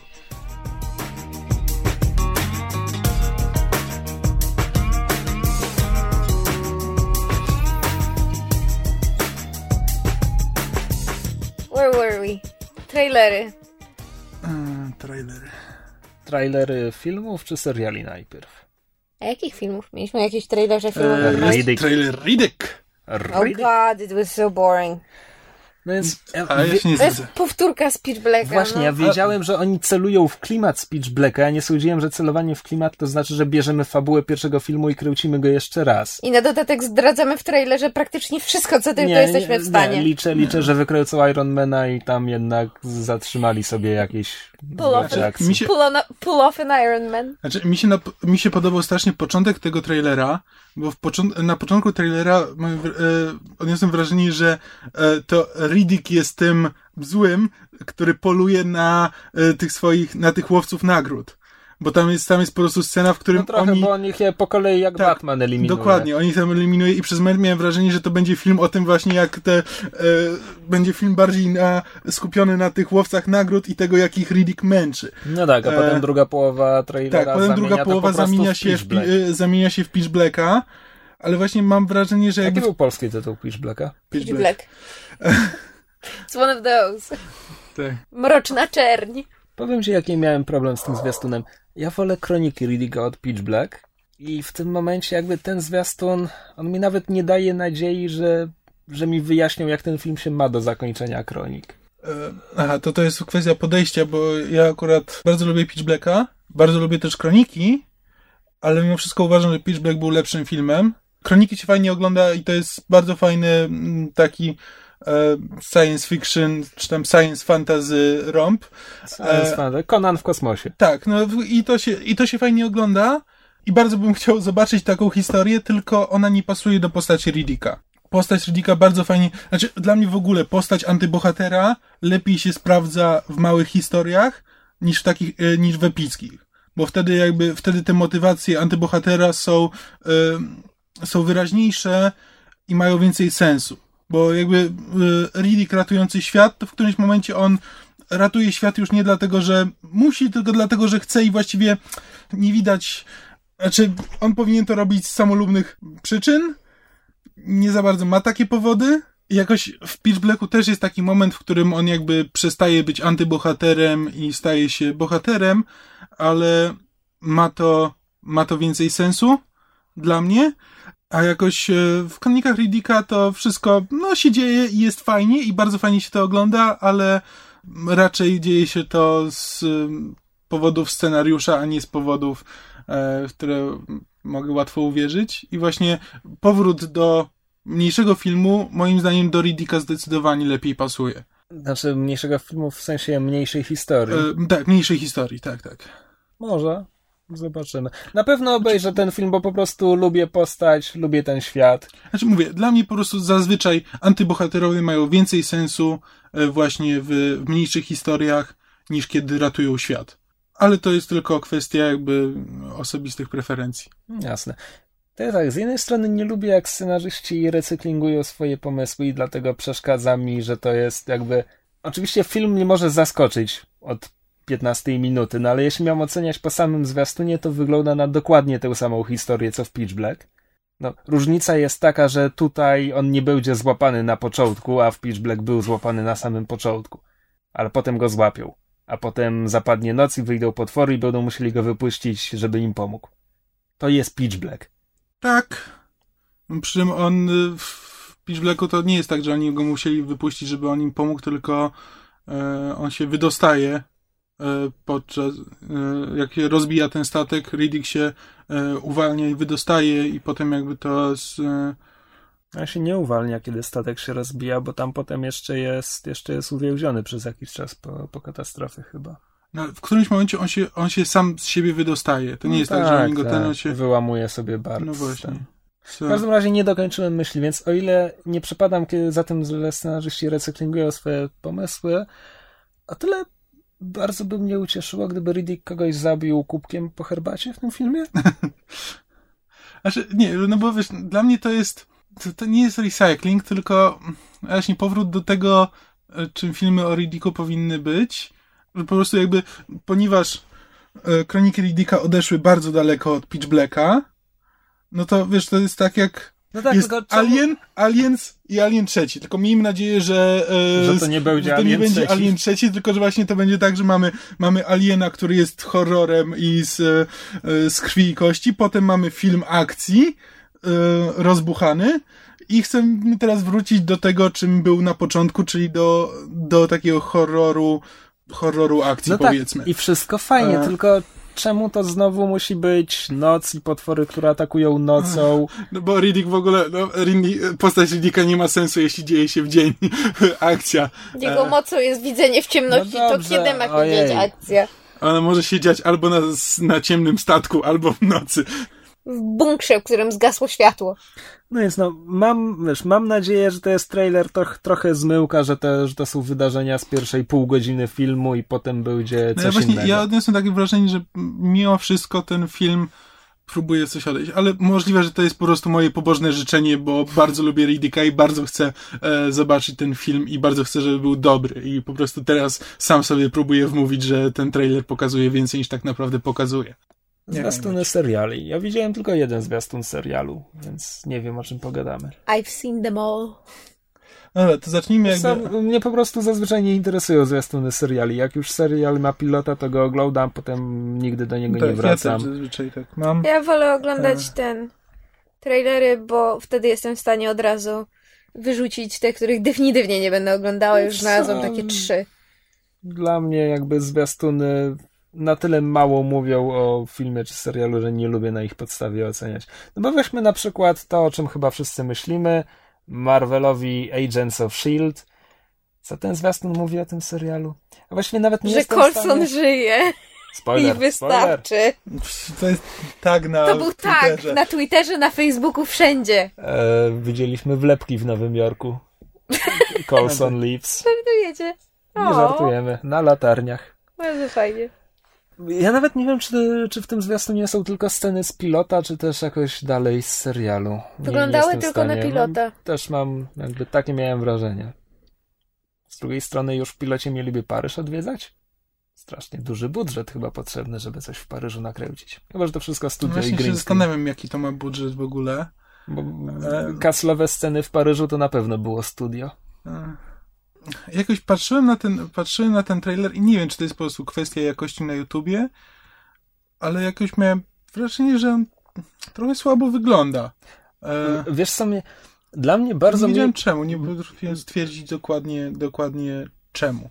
To może ja cię nakieruję, a może nie, może, może myślę o czymś innym. Dla mnie bardzo miłą odmianą było po, po całym sezonie Arrowa, czy po tych kilku odcinkach Smallville, które widziałem, był serial, w którym będą superbohaterowie, który jest kręcony bez tych wszystkich mrocznych filtrów i ziarna mm. i po prostu wygląda po prostu jak serial nakręcony na, na żywo w mieście i tam będzie ktoś z supermocą. To jest dla mnie bardzo miła odmiana po tym mrocznym, macham palcami w powietrzu, rysuję cudzysłowy Arrowie. Arrowie? Arole. On ma filtry, Agents of S.H.I.E.L.D. ma filtry, tylko ma filtry policyjne, bo ma błękity i zielenie. Dobra, o to mi chodzi, że wygląda właśnie jak policyjny procedural, a nie mm -hmm gritty superhero.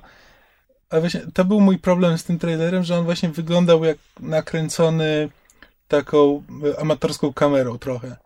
Że jakby tam wszystko... Nie, właśnie, może to jest kwestia, może trochę, może to jest jeszcze przed postprodukcją na razie te sceny, może to jeszcze będzie dalej dopracowane, a może po prostu tak akurat wyglądała ta kopia, czy tak wyglądało to na YouTubie, ale tam jest jakiś, jest taka właśnie jakość jakby to było nakręcone po prostu zwykłą kamerą, bez żadnego światła, albo ze szczątkowym światłem i wszystko jest takie trochę przygaszone, trochę płaskie. E... Nie przypomina ci troszeczkę Alphas? Pod względem właśnie jakby klimatu nakręcenia stylu poziomu. Trochę tak, w ogóle jakby brytyjskie seriale mają bardzo specyficzny wygląd, mają taki... E... Słucham? Nie jest brytyjskie moim zdaniem. Alfas było na, na czym to było? Na sci-fi? Alfas nie jest brytyjski. Nie wiem, czemu ja sobie wy, wy, wy, Może pomylił się z Misfits. E, dobra, Alfas rzeczywiście też trochę wyglądała.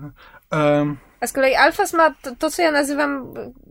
Alfas było bardzo kanadyjskie, to znaczy seriale kanadyjskie, nie, nie umniejszając ich, e, bo, bo są bardzo urocze i, i nawet parę oglądałam. Seriale kanadyjskie mają coś takiego, że nie są wysokiej jakości. I to nawet czekaj, nie jest... Wy, wymień mi jakieś seriale kanadyjskie, bo nie wiem, czy jakikolwiek e, widziałem. Continuum to jest chyba jeden, drugi to jest Lost Girl, trzeci, nazwy teraz nie pomnę, ale coś było epidemii. Może nawet się nazywa epidemia albo coś takiego. W każdym razie mają coś takiego w wyglądzie, co, co jakby od razu można zauważyć, że nie wiem, czy to jest właśnie nasycenie kolorów, czy właśnie jakość y, obrazu, właśnie takiego jakby nakręconego kamerą gorszego sortu, czy poziom efektów specjalnych, ale jest coś takiego, co dobitnie właśnie można określić jako, jako It looks Canadian. Oczywiście Amerykanie to uznają za straszną obelgę. To wcale nie jest obelga, to jest po prostu serial, który jest troszeczkę z troszeczkę niższej półki, ale jakby fabularnie i pod względem rozwoju postaci dostarcza jakby ten sam poziom, tylko technicznie jest troszkę niżej. I ja właśnie oglądając ten trailer do Agents of S.H.I.E.L.D. miałam takie właśnie lekko kanadyjskie yy, wrażenie. Znaczy tak, szczególnie właśnie jak się go porównuje z takimi serialami właśnie jak Arrow, który w ogóle seriale CW mają coś takiego, że one są jak cukierki. Znaczy one są bardzo rzemieślniczo, ale bardzo porządnie zrobione pod względem operatorki i e, jakby operowania światłem i plastyczności obrazu. One Serio? są Tak. Znaczy, Arrow dla mnie jest strasznie plastikowy. Nie, um, Znaczy, jak on się właśnie- porówna tak, on nie jest plastikowy, tylko Vampire właśnie- Diaries, Arrow, Mówcie E. wszyscy naraz, to na pewno słuchacze docenią. nie pierwszy, nie ostatni raz. Tak, ale właśnie Supernatural i Arrow mają właśnie, o to mi chodzi, że to jest, to jest rzemieślniczo zrobione i to wygląda trochę plastikowo, ale jest tam taka plastyczność tego obrazu, jest, e, jest rzeczywiście widać, każda scena, w zależności od tego, gdzie się dzieje, ma swoją kolorystykę i jest bardzo, bardzo plastycznie nakreś- nakreślone, widać każdą bruzdę, e, każdą bruzdę e, na twarzy i one są, one są oświetlone w sposób bardzo profesjonalny, przesadzony, one są przestylizowane. Zdecydowanie właśnie stąd się bierze ta, ta plastikowość, ale to jest, to jest dobra robota. Tylko potrzebowałaby kogoś, kto by powiedział, że e, w tym momencie już trochę przesadziłeś, e, ale, jest napra- e, ale jest naprawdę jakby bardzo, bardzo profesjonalnie wykonany i wygląda bardzo profesjonalnie. A akurat Agent, Agents of S.H.I.E.L.D. E, wygląda trochę Właśnie tak jak mówię, wygląda trochę na zrobione tak, że okej, to tu postawimy lampę, resztę nam doświetli trochę ze słońca, postawimy tu kamerę i będzie, będzie wyglądało. I nie wiem, czego to jest Wiesz kwestia. no to jest, Być może to nie będzie tak wyglądało w telewizji. Mamy, tam mamy parosekundowe fragmenty scen. Nie wiem na ile to jest podstawa, żeby oceniać takie rzeczy. Ale może to jest właśnie kwestia tego, że za dużo pieniędzy, znaczy zakładam, bo właśnie widzieliśmy tylko trailer, nie wiem jak to będzie wyglądało, ale może właśnie problem polega na tym, że przeznaczyli sporo pieniędzy na efekty specjalne, na jakieś właśnie, nie wiem, wyjazdy, szuty, ten, e, znaczy, no, Kręcenie. kręce, tak, kręcenie e, za granicą, czy w jakichś e, fajnych e, lokalizacjach i właśnie nie, nie, nie zostało im dużo pieniędzy na rzeczy typu, podstawowe rzeczy typu oświetlenie, operator kamery i tak dalej. Znaczy, nie, że ich w ogóle nie mają, tylko może jakby, prawda, to nie- gorszego sortu, no. Znaczy, nie wiem, właśnie, być może. Znaczy, w ogóle, jakby seriale, seriale Widona mają to do siebie, że Widon potrafi zrobić bardzo dużo na bardzo małym budżecie. I to mu się, to mu się chwali. Mam wrażenie, że właśnie, że tutaj możemy mieć trochę do czynienia z tym, że to nie jest jakby bardzo wysokobudżetowy serial, albo te pieniądze właśnie idą na ważniejsze rzeczy niż to, żeby on wyglądał, e, wyglądał dopiesz, na dopieszczony. Może.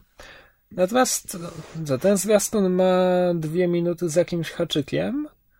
Ja tam właśnie nie zauważyłem niczego, co by mnie tak kupiło. Takiej jednej sceny, która by sprawiła, że czekam jak na szpilkach na premierę. Ja miałam dwa, ale dlatego, że ja po prostu bardzo lubię Coulsona. Don't touch Lola. Don't Touch Lola to było jedno, a drugie to było coś tam Welcome to Level 7, czy jakoś tak.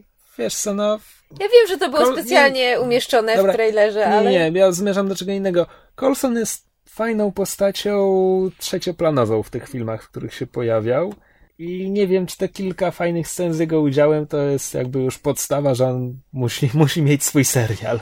Znaczy, wiesz co, biorąc pod uwagę jak... e, Znaczy, ja mam na to trochę inne spojrzenie, bo ja jakby e, obserwowałam, jak ten fandom Avengersów się w internecie rozwijał i rozbuchał i właśnie jak dużą rolę w tym zaczął Coulson odgrywać i właśnie mam też wrażenie, że te głosy fanów, które właśnie robiły te, Znaczy te nie, ja wlepki nie, pod nie, tytułem mam, nie mam wątpliwości, i... że głosy fanów doprowadziły do tego, że Clark Gregg tam w każdym kolejnym filmie miał coraz większą rolę. Nie, ale w sensie głosy fanów mogły doprowadzić, wcale bym się nie zdziwiła do tego, żeby właśnie Coulson poniekąd dostał swój serial. Znaczy ja podejrzewam, że jeżeli oczywiście Agents of S.H.I.E.L.D. się, się przyjmie jako serial, bo szczerze nadal mam wątpliwości.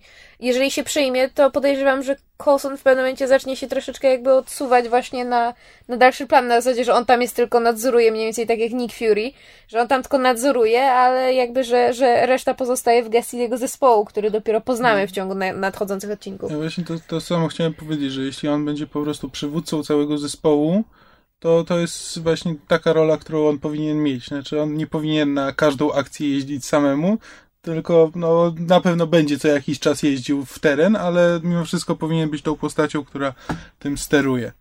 Internety, przynajmniej te, w których bywam, e, zastanawiały się od dłuższego czasu, kim jest e, tajemniczy murzyn w bluzie z kapturem. To znaczy, połowa internetu twierdziła, że to będzie na pewno Luke Cage, a połowa twierdziła, że wcale nie. Tylko nie wiadomo, kim w takim razie będzie.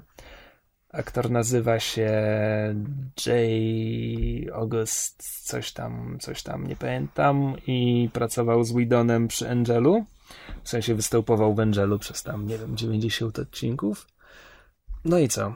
Jest niezniszczalny, chyba silny, znaczy, Może być Luke Cage. Luke Cage by się nadawał do takiego Taki serialu troch, jako trochę właśnie... chuderlawy jak na Luka Cage'a.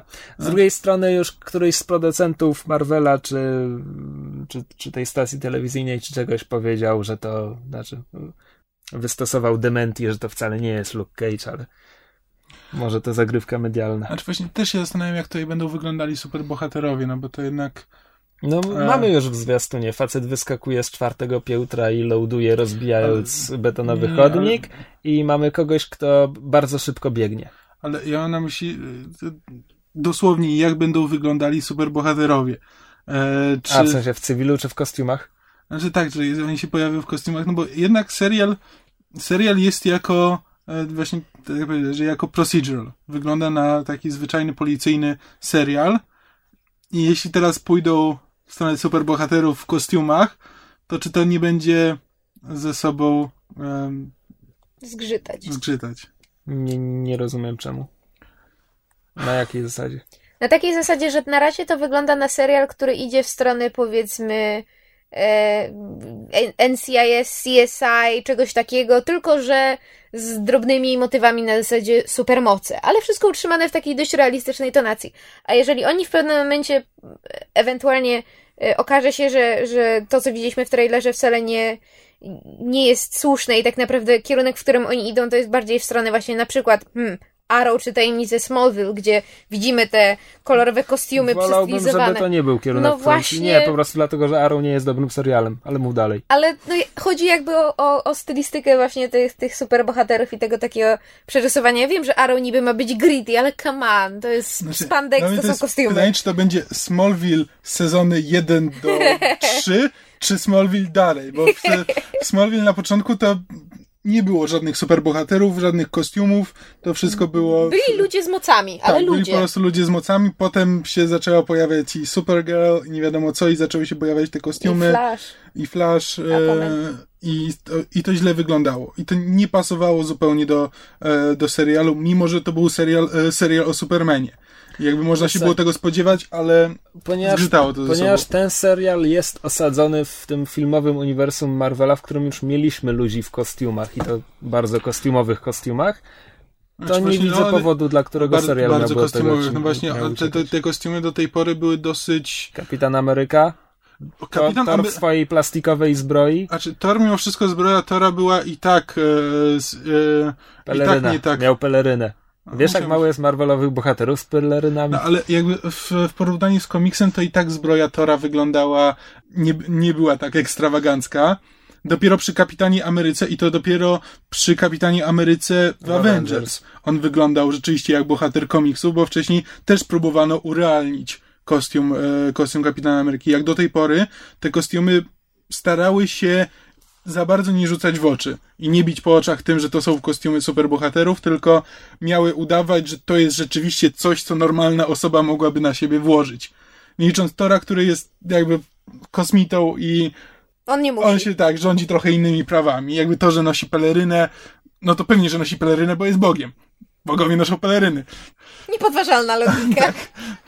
Jakoś w przypadku, w, wypadku Tora to jakoś tak nie bije, bo, bo to nie jest człowiek. Jakby rządzi się po prostu, w Asgardzie panuje inna moda niż na Ziemi i wiadomo, że po prostu nosi taką, nosi taką zbroję, która przypomina zbroję e, no trochę średniowiecznych rycerzy, a trochę wikingów, no.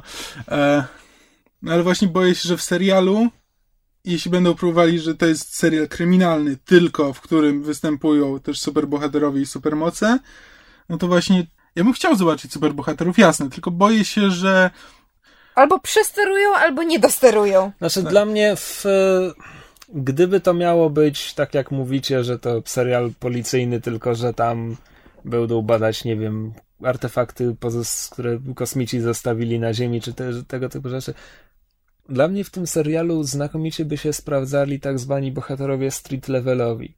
Gdyby tutaj Luke Cage. Właśnie, on ma jakieś moce, ale Luke Cage bardzo pasuje mi do tego serialu. Niezbyt widowiskowe. Tak. E, Daredevil, prawa wróciły do Marvela. Daredevil w tym serialu moim zdaniem bardzo Aha. by się sprawdził. I Marvel ma dużo takich postaci, jakby miejskich, którzy po prostu biją się z chuliganami na ulicach. Tak, coś. A to by było fajne, jakby wprowadzili, znaczy umieścili Daredevila w serialu, a potem zrobili z nim film. Ja wiem, że co prawda na razie się zarzekają, że nic nie planują, ale wiadomo, że jak ich zacznie uwiera, zaczną uwierać te prawa, to za 2-3 lata dostaniemy reboot serii, tak jak ze Spider-Manem. No, akurat boję się, że znaczy, wiesz, nawet jeśli pojawi się jakiś bohater ja w serialu, to mogą go podmienić potem do filmu. Nie tak, ale jakby chodzi o samą ideę jakby tego, że, że prawda, że dostalibyśmy y, glimpse Daredevila w serialu. Raczej, raczej jeśli będą się pojawiały takie postaci w serialu, to podejrzewam, że będą miały swoje cameo po prostu gdzieś w kolejnych, w kolejnych filmach, ale, no, ale jak na razie no, najbliższych parę filmów jest już zaplanowanych, więc teraz nic, nic nowego się raczej już nie, nie pojawi na tym froncie. Może w trzeciej tej, e, w trzeciej fazie. To, co mnie intryguje, to to, że mając te 50 lat historii komiksów Marvela, oni tworzą swoje postaci do tego ser serialu. Ci wszyscy agenci, agent Coulson teraz już jest w komiksach, zresztą poprowadzony koszmarnie i nie ma prawie nic wspólnego z filmowym Coulsonem, ale, ale to jest ta postać. Mm, no to tutaj jakby Coulson, ci wszyscy agenci, którzy będą bohaterami tego serialu, są utworzeni na potrzeby serialu. I z jednej strony rozumiem, że to chodzi o to, że widz nie będzie pewien, czy aby Whedon za moment nie odstrzeli trzech z nich, zwłaszcza tego najzabawniejszego. Tak, to spoiler. Eee... Do każdego serialu Whedona. Mówiłem już, że w tym zwiastunie nie było takiej jednej sceny, która, która by mnie kupiła. Jakby całość obejrzałem, okej, okay, widzę, że to może być że to może mieć potencjał, natomiast to, że to może mieć potencjał, ja wynoszę raczej z tego, że serial jest e, w tym filmowym świecie, niż z samego tego zwiastunu. Nie wiem, czy rozumiesz, o co mi chodzi. Czekam na ten serial, ale czekam na ten serial, bo wiem, że ma rozszerzać ten świat Marvelowych filmów, a nie dlatego, że mi się zwiastun spodobał. Jakby no tak. nie mam tak, to... nie mam żadnych odczuć względem tego zwiastunu, ani negatywnych, ani pozytywnych. Obejrzałem dwie i pół minuty materiału, Wiem, tak, że będzie tam Colson. Szczególnie, że jest to dosyć sztampowe wprowadzenie. Okej, okay, że mamy, e, mamy Colsona, mamy nowicjusza, przez którego oczy będziemy poznawać Shield, e, który na pewno jest młodym zapaleńcem. E, mamy, mamy oddział Q w postaci Fica i Simonsa, czy tam Fitz i Simons. Nie pamiętam, kto jest kobietą, kto jest mężczyzną w tym, w tym duecie. I mamy, I mamy młodą hakerkę, którą oni też werbują, bo, e, bo im bruździła do tej pory i jako jedyna była w stanie im zagrozić i będzie też tą śmieszną e, w tym serialu. I to są wszystko sztamp tak sztampowe rozwiązania, że no to, to są postaci wycięte po prostu od znalezione, znalezione na TV tropes i wrzucone do serialu. Ja mam jeszcze taką grę na własny użytek, żeby na podstawie samego zwiastunu dopasować te postaci do schematów bohaterów, archetypów postaci z innych seriali Widona. Mhm. Mm. Hacherka to będzie Willow. Mm, za proste skojarzenie. Sam jesteś prosty. Znaczy, nie, to bardziej, e, bardziej mi się kojarzyła z tym, e, jak się nazywała postać Nikolasa Brandona? E, Ksa... Ksander. Ksander. Really? Wy nie pamiętacie, a ja nawet nie skończyłam oglądać serialu? E, nie mogę sobie przypomnieć. Xavier mi wchodziło do głowy i nie mogłem sobie ten. I nie Xander, tylko Xander. Ej, słowo na zakończenie? Czekamy na serial, ale nie dla serialu. Słowo na zakończenie. Whedon jest... Um... Gdyby nie nazwisko Widona, to ja bym miał bardzo złe, e, bardzo duże wątpliwości względem tego serialu. Gdyby nie to, że jest na nim nazwisko Widona, co od razu daje mu duży kredyt zaufania, ale gdybym ja zobaczył ten trailer bez tego nazwiska, to zacząłbym się zastanawiać, że to wygląda nic w tym ciekawego nie, nie zobaczyłem. Można obejrzeć, ale po co? Tak, dokładnie. Natomiast ten kredyt zaufania, oczywiście, że Widon jest bogiem imperatorem nerdów, ale to nie oznacza, że wszystko, czego się dotyka, zamienia się w złoto. Jakby No, nie. Dollhouse miał mnóstwo problemów. Ja oglądałem ten serial z zainteresowaniem, ale on nigdy nie wykorzystał swojego potencjału. A miał na to dwa sezony, sezon więcej niż Firefly. Niestety ma rację, ja ostatnio zaczęłam znowu oglądać pierwszy sezon Dollhouse i tak stwierdziłam, że ja rozumiem, dlaczego ja lubię ten serial, ale on jest głupi. No tak, Wczoraj- ja też oglądałem go tak bardziej z obowiązku, bo to Widon właśnie. I Ale Veronica Mars też jest strasznie głupia, jak się ogląda wszystkie odcinki jednym ciągiem, sezon po sezonie. Wiesz, jaki to jest durny serial? Wiesz co, ja tak oglądałem Weronikę Mars Ja i też. nie miałem z tym problemu. Oglądałeś pierwszy raz czy drugi raz? Pierwszy raz. No właśnie, a ja teraz oglądam drugi raz po, po wielu ja latach. oglądałem dwa razy i za każdym razem z, A jak długo miałeś cięgiem. przerwę między jednym a Parę drugim? lat. Ja po prostu, ja oglądam i stwierdzam, że to jest strasznie głupi i denerwujący serial. No dobra, ale wracając jeszcze do Widona. Obejrzałem wczoraj Avengers, chyba po raz pierwszy od seansu kinowego. W tej chwili nie pamiętam, czy aby nie byłem dwa razy w kinie na tym filmie. Mogłem być, no ale nawet jeśli, no to minął rok, odkąd widziałem Avengers. I po samym obejrzeniu tego w kinie nie zdawałem sobie sprawy z tego, jak bardzo ten film jedzie na, na awesome. Że, że masz się jarać tym, co się dzieje na ekranie. I w kinie to faktycznie się jarasz. Ale na małym ekranie komputera z gorszym dźwiękiem ze słuchawek. I poza tym, jak już to widziałem, jak już się tym nie jaram, bo już to widziałem, wiem na czym ta akcja polega, wiem, że Hulk za moment... Hulk? Jezus Maria, czemu Hulk? Das Hulk! Das Hulk zer smash! Wiem, że Hulk w tej scenie robnie Tora pięścią i to będzie śmieszne. Jak już to wszystko wiem, no to w filmie zostaje fabuła i postaci. I o ile interakcje i postaci są fajne i faktycznie w dialogach kryje się sporo uroku, o tyle fabuła jest tak szczotkowa, ekspozycja jest tak nachalna, początek filmu jest tam Znaczy tak, w siedzibie S.H.I.E.L.D. Rob, Robin mogłaby spokojnie, znaczy ta, jak ona się nazywa? Maria Hill. Hill. Maria Hill, co mogłaby się nazywać Captain Exposition, e, bo ona tylko po to jest, tylko po to, żeby e, mówić do Nika Fury'ego, ale tak naprawdę do widowni, co się właśnie dzieje. W każdym razie zmierzam do tego, że Whedon, który zazwyczaj, no zazwyczaj jakoś wykręca te klisze, robi z nimi coś zaskakującego w swoich serialach, tutaj w filmie no zrobił blockbuster idealny, bo w kinie to robi na tobie wrażenie i wychodzisz podjarany, ale to jest wydmuszka. To jest fajna wydmuszka, ale Iron Man trzyma więcej fabuły niż Avengers. Znaczy, no tak, no Avengers nie mają fabuły. Avengers to jest Mass Effect 2. To jest zbieranie drużyny. Avengers to jest w ogóle it's a geeks, you know, wet dream. To jest, to jest esencja Avengers. Nic więcej. Znaczy, to jest po prostu film o zbieraniu drużyny. Znaczy, to jest pierwsza część e, filmu Heist. Tak, tylko że znowu jak na zbieranie drużyny, to ja się niewiele dowiaduję o tych postaciach z filmów. Co gorsza, najwięcej dowiaduję się o tych postaciach, które miały już własne filmy, a ten biedny Hawkeye, który jest zombie przez On pół nawet filmu, nie jest sobą przez większość Tak. filmu. A w Znaczy, związku z tym Hawkeye ma w ogóle afera. trudne życie w tym, w tym filmowym uniwersum Marvela. Bo to, Czytaliście, że jest afera?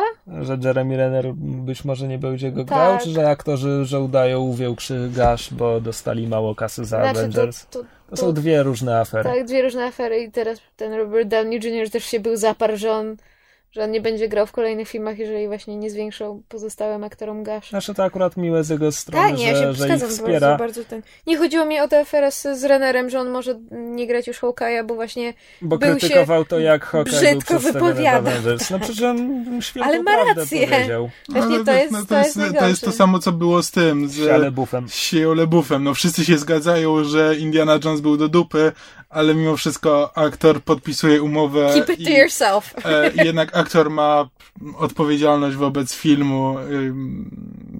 No i właśnie to jest tylko rozbicie między profesjonalną, profesjonalną etyką, a ludzką, zwykłą przyzwoitością. Czy mogę teraz powiedzieć, że to jest zły film, bo to był zły film i wszyscy wiedzą, że to jest zły film? Czy mam iść w no, zaparte? Czy no jednak zapłacili mi kilkadziesiąt milionów za wzięcie udziału w tym filmie? A, kilka, 200 tysięcy. Co? Ale on teraz mówi o Siale Buffie chyba. A ja mówię o Avengers. No to mówicie o dwóch różnych A filmach. co 200 tysięcy? Reszta obsady dostała 200 Aktorzy, tysięcy. którzy nie byli Robertem Downey Jr., dostali po kilkaset tysięcy, a nie kilkadziesiąt milionów jak Robert Downey Jr. On dostał chyba Nie wiedziałem, że to 20, jest tak małe. 20, nie, 40 Ja słyszałem o milionów. 50. Pra, prawie 50 milionów łącznie z, z tam z, z wpływami z, z, z A zysków. to, a, to, a to może już po podsumowaniu Może. wpływów było. A 50 oni milionów. dostali y, tam Mhm. 200 tysięcy, czy tam kilkaset tysięcy per rola. Czekaj, jeszcze na moment do Widona i Agents of S.H.I.E.L.D. Więc znowu, Avengers to wydmuszka. On zazwyczaj w serialach się sprawdza. Dollhouse mu nie wyszło. I teraz mam problem z Agents of S.H.I.E.L.D. Na ile on się tym serialem będzie zajmował? Przecież on teraz musi zrobić Avengers 2. Jest konsultantem do wszystkich filmów drugiej fazy. Znaczy, on tam będzie głównie prawdopodobnie będzie tylko nazwiskiem to Właśnie promował. o to mi chodzi. Na ile A- to będzie jego serial? E, raczej podejrzewam, że tak naprawdę tym serialem będzie zarządzał jego brat. Który Jet, Jet- Whedon? Jet, Jet? Jet, Jet chyba on się nazywa. Jed. Jet Whedon chyba, Chyba współpracował pomagał z, z Whedonem przy, przy, przy innych jego serialach. Na, On- pe- na pewno pisał komiksy na podstawie jego seriali. Czytałem kilka. Jak? W porządku, oddawały ducha serialu. Oni nie napisali razem wspólnie, znaczy w sensie nie, a nie, to nie, nieważne. Był chyba współautorem scenariusza do Singalong Block. I chyba to, no właśnie tak mi się wydało, że autorem tekstów piosenek. Nie wiem, czy nie pomagał też przy scenariuszu do Dollhouse, mam takie niejasne wrażenie. I know that's not a good recommendation, but still. Znaczy, ale Dollhouse miał przynajmniej fajne postaci. Znaczy, mi się podobały postaci w Dollhouse'ie, tylko one zupełnie nie były wykorzystane. Poza Elizą Duszku, która, e, f- która była najsłabszym punktem tego serialu, bo mimo że tak naprawdę grać. to ona doprowadziła do jego powstania. Bo ona nie umie grać, na tym polegał główny problem. Wiesz co, ona, ona jako echo miała okazję pokazać, że właśnie umie grać. Ona Właśnie po prostu jest nie. irytująca, kiedy jest na ekranie. Nieważne od ro- w jakiej roli. Ona jest irytująca. To, czy ona umie grać, czy nie, to jest, e, to jest zupełnie osobna dyskusja, ale po prostu Ale w sumie macie ja na nie, nie, lubię, nie lubię na nią patrzeć na ekranie. No. Ona cały czas ma... Coś ma takiego w mimice, że wygląda jakby ktoś jej podeknął kocie gówno pod twarz. Po prostu taki... Coś takiego w oku, coś takiego skrzywienie ust, że tak jakby poczuła smród. Coś ma takiego w sobie. Nie, no po prostu jakoś jest, nie wiem. Żeśmy jej pojechali. Miejmy nadzieję, że nie słucha. Ojej. Obejrzymy, bo to ten sam świat, co filmy Marvela. Obejrzymy, bo to Whedon, ale ten zwiastun jakoś nie zachęca. Tak, tylko że właśnie to jest ten problem, że wszyscy geekowie to obejrzą, bo to Whedon, bo to Avengers, tylko czy ten serial będzie jakkolwiek w stanie przyciągnąć, e, że tak powiem, normalnego widza. O to się właśnie boję, że ten serial po prostu padnie na tym, że mimo wszystko Whedonverse nie ma takiego fandomu, który, jak już widzieliśmy na przykładzie Firefly'a i Dollhouse'a, który jest w stanie sam pociągnąć e, No, nie, serial. nie, no czekaj, Dollhouse'a pociągnął jednak. No dobra, pociągnął go na drugi sezon, się zlitowali, żeby jednak mm, zobaczyć, czy da się to uratować, ale Ale się nie dało. Nie, się nie jakby dało. sukces Avengers moim zdaniem zapewnia przynajmniej dobry start temu serialowi.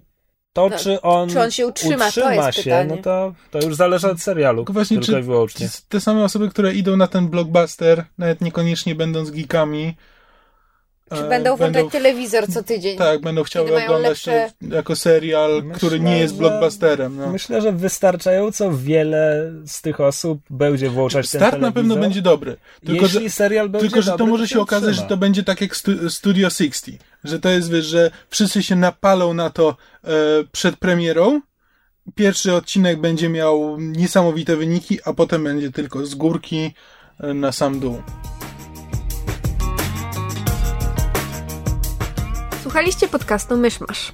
Możecie nas znaleźć na myszamovie.blogspot.com oraz marvelcomics.pl Podcast nagrany został w studiu Kobart. www.kobart.pl Jeśli macie jakieś komentarze, pytania albo sugestie, jesteśmy także na Facebooku.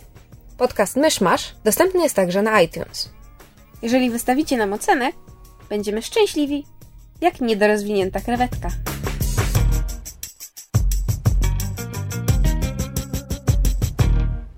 Ale cieszę się, że potrafimy spotkać się dwa, trzy razy w ty... Kurwa mać. Właśnie tu nie ta Justyna. Reading is hard. Jak się jąka. E...